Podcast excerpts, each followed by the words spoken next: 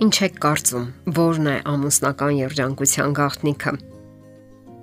Ամուսնական միության կառույցը ստեղծում են անկատար եւ սխալական մարդիկ, ովքեր ձգտում են հենց ընտանիքի ներսում լինել կատարյալ, որքանով դա հնարավոր է։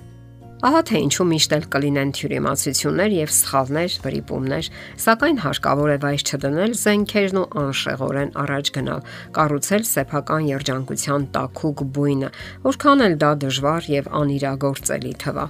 Հարկավոր է ընդունել սեփական սխալները, միայն այդպես է հնարավոր ներդաշնակ ընթացք ապահովել անսխալականության եւ գերազանցության հասնելու պատրանքները շատ ամուսնություններ են քայքայել։ Մեր հաղորդումների ընթացքում մենք անընդհատ խոսում ենք լսելու արվեստի մասին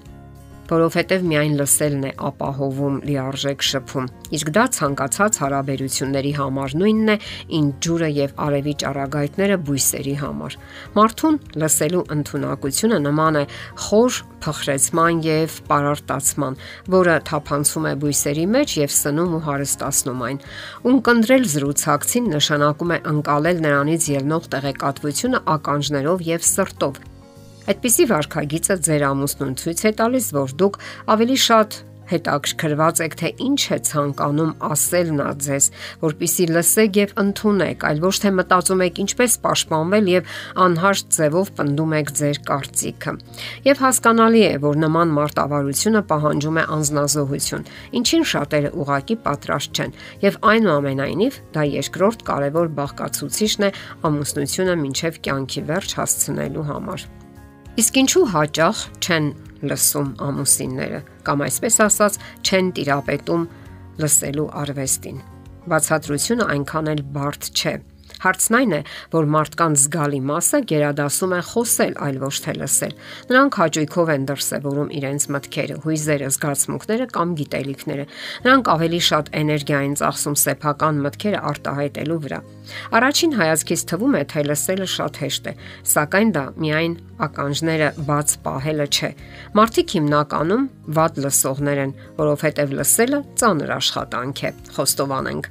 Օրինակ, աշխատանքային ծանր օրից հետո ամուսինը կնոջը պատմում է իր խնդիրների մասին, իսկ կինը պատմում է, թե ինչպես է գլուխ անել չարաճճի երեխաներից։ Երկուսն էլ այս դեպքում կարիք ունեն կարեկցանքի, սատարման եւ օգնության, որpիսի լուծեն հիմնախնդիրը։ Երբ կողմերից յուրաքանչյուրն իր աշխարհում է, դա դանդաղեցնում է ներդաշնակ ընթացքը։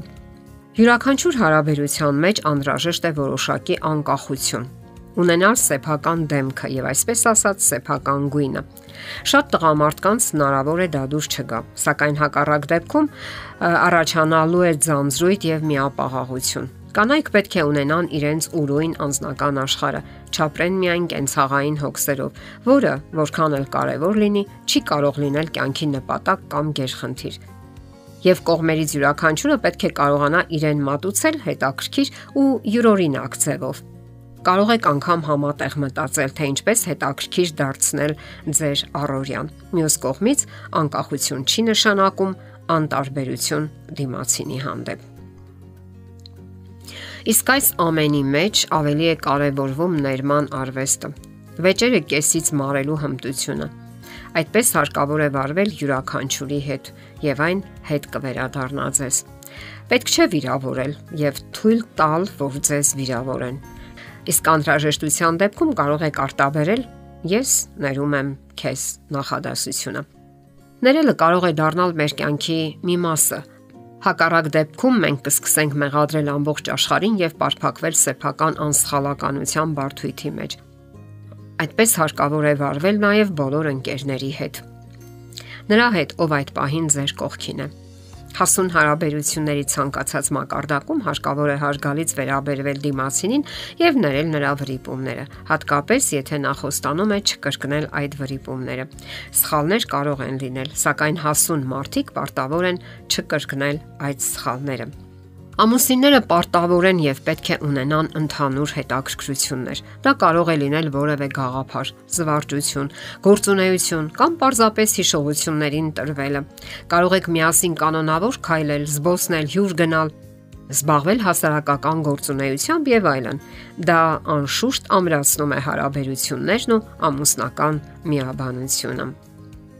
Իրապես ներդաշնակ հարաբերությունների դեպքում պահպանվում է այն սերը, որն ունեիք ամուսնանալու ժամանակ։ Եթե անգամ այն ժամանակի ընթացքում թուլացել է կամ մարել, ապա ճիշտ ընթացքի դեպքում կարող է վերածնվել եւ նորովի ոցկլ տալ։ Կարդանք մի հատված Խաչիկ Դաշտենցի ռանչպարների կանչը ստեղծագործությունից, որը գեղեցիկ սիրո օրինակ է սակայն միակողմանի, որը չի մարել ոչ մի բանի հետևանքում։ Եվ այսպես տղամարդու մի շապիկ կամ շալվար դրսում կախելով կամ կոճակներ շարելով ու օղակներ լցնելով Սալվին շապատներով, ամիսներով ամոթխածությամբ թաքցնում էր ամուսնու բացակայությունը, հույս ունենալով, որ մի օր մկոն տուն կգա։ Միջդեռ ամուսինը անվերադարձ հեռացել էր տնից իրեն մենակ ցկելով։ Պատկից հարևանները գլխի էին ընկել, որ ամուսինը տանը չի բայց չէին ուզում Սալվիին զրկել իր երջանիկ խապկանքից։ Նրանցից մեկ երկուսը նկատել էին, թե ինչպես ուժ գիշերին, երբ գյուղը քնած էր, Սալվին ճրակի տակ նստած հեկեկում էր մենակությունից։ Երբեմն տան շեմքը դուրս գալով երկար նայում էր Պարանից կախված անդրավարտիքին եւ բրթյա հաստ գուլպաներին, մոտենալով ուղում էր լվացքը եւ դանդաղ մտնում էր ներս, լուսնի շողերի տակ չորացնելով իր կարոտի արցունքները։ Հաճախ սերը խլում է բանականությունը։ Ինչպես տեսնում եք, միակողմանի սիրո մեջ տանջանք ու ցավ կա։ Միայն փոխադարձ սերն է ուրախություն ու երջանկություն բերում հոգուն։ Եթերում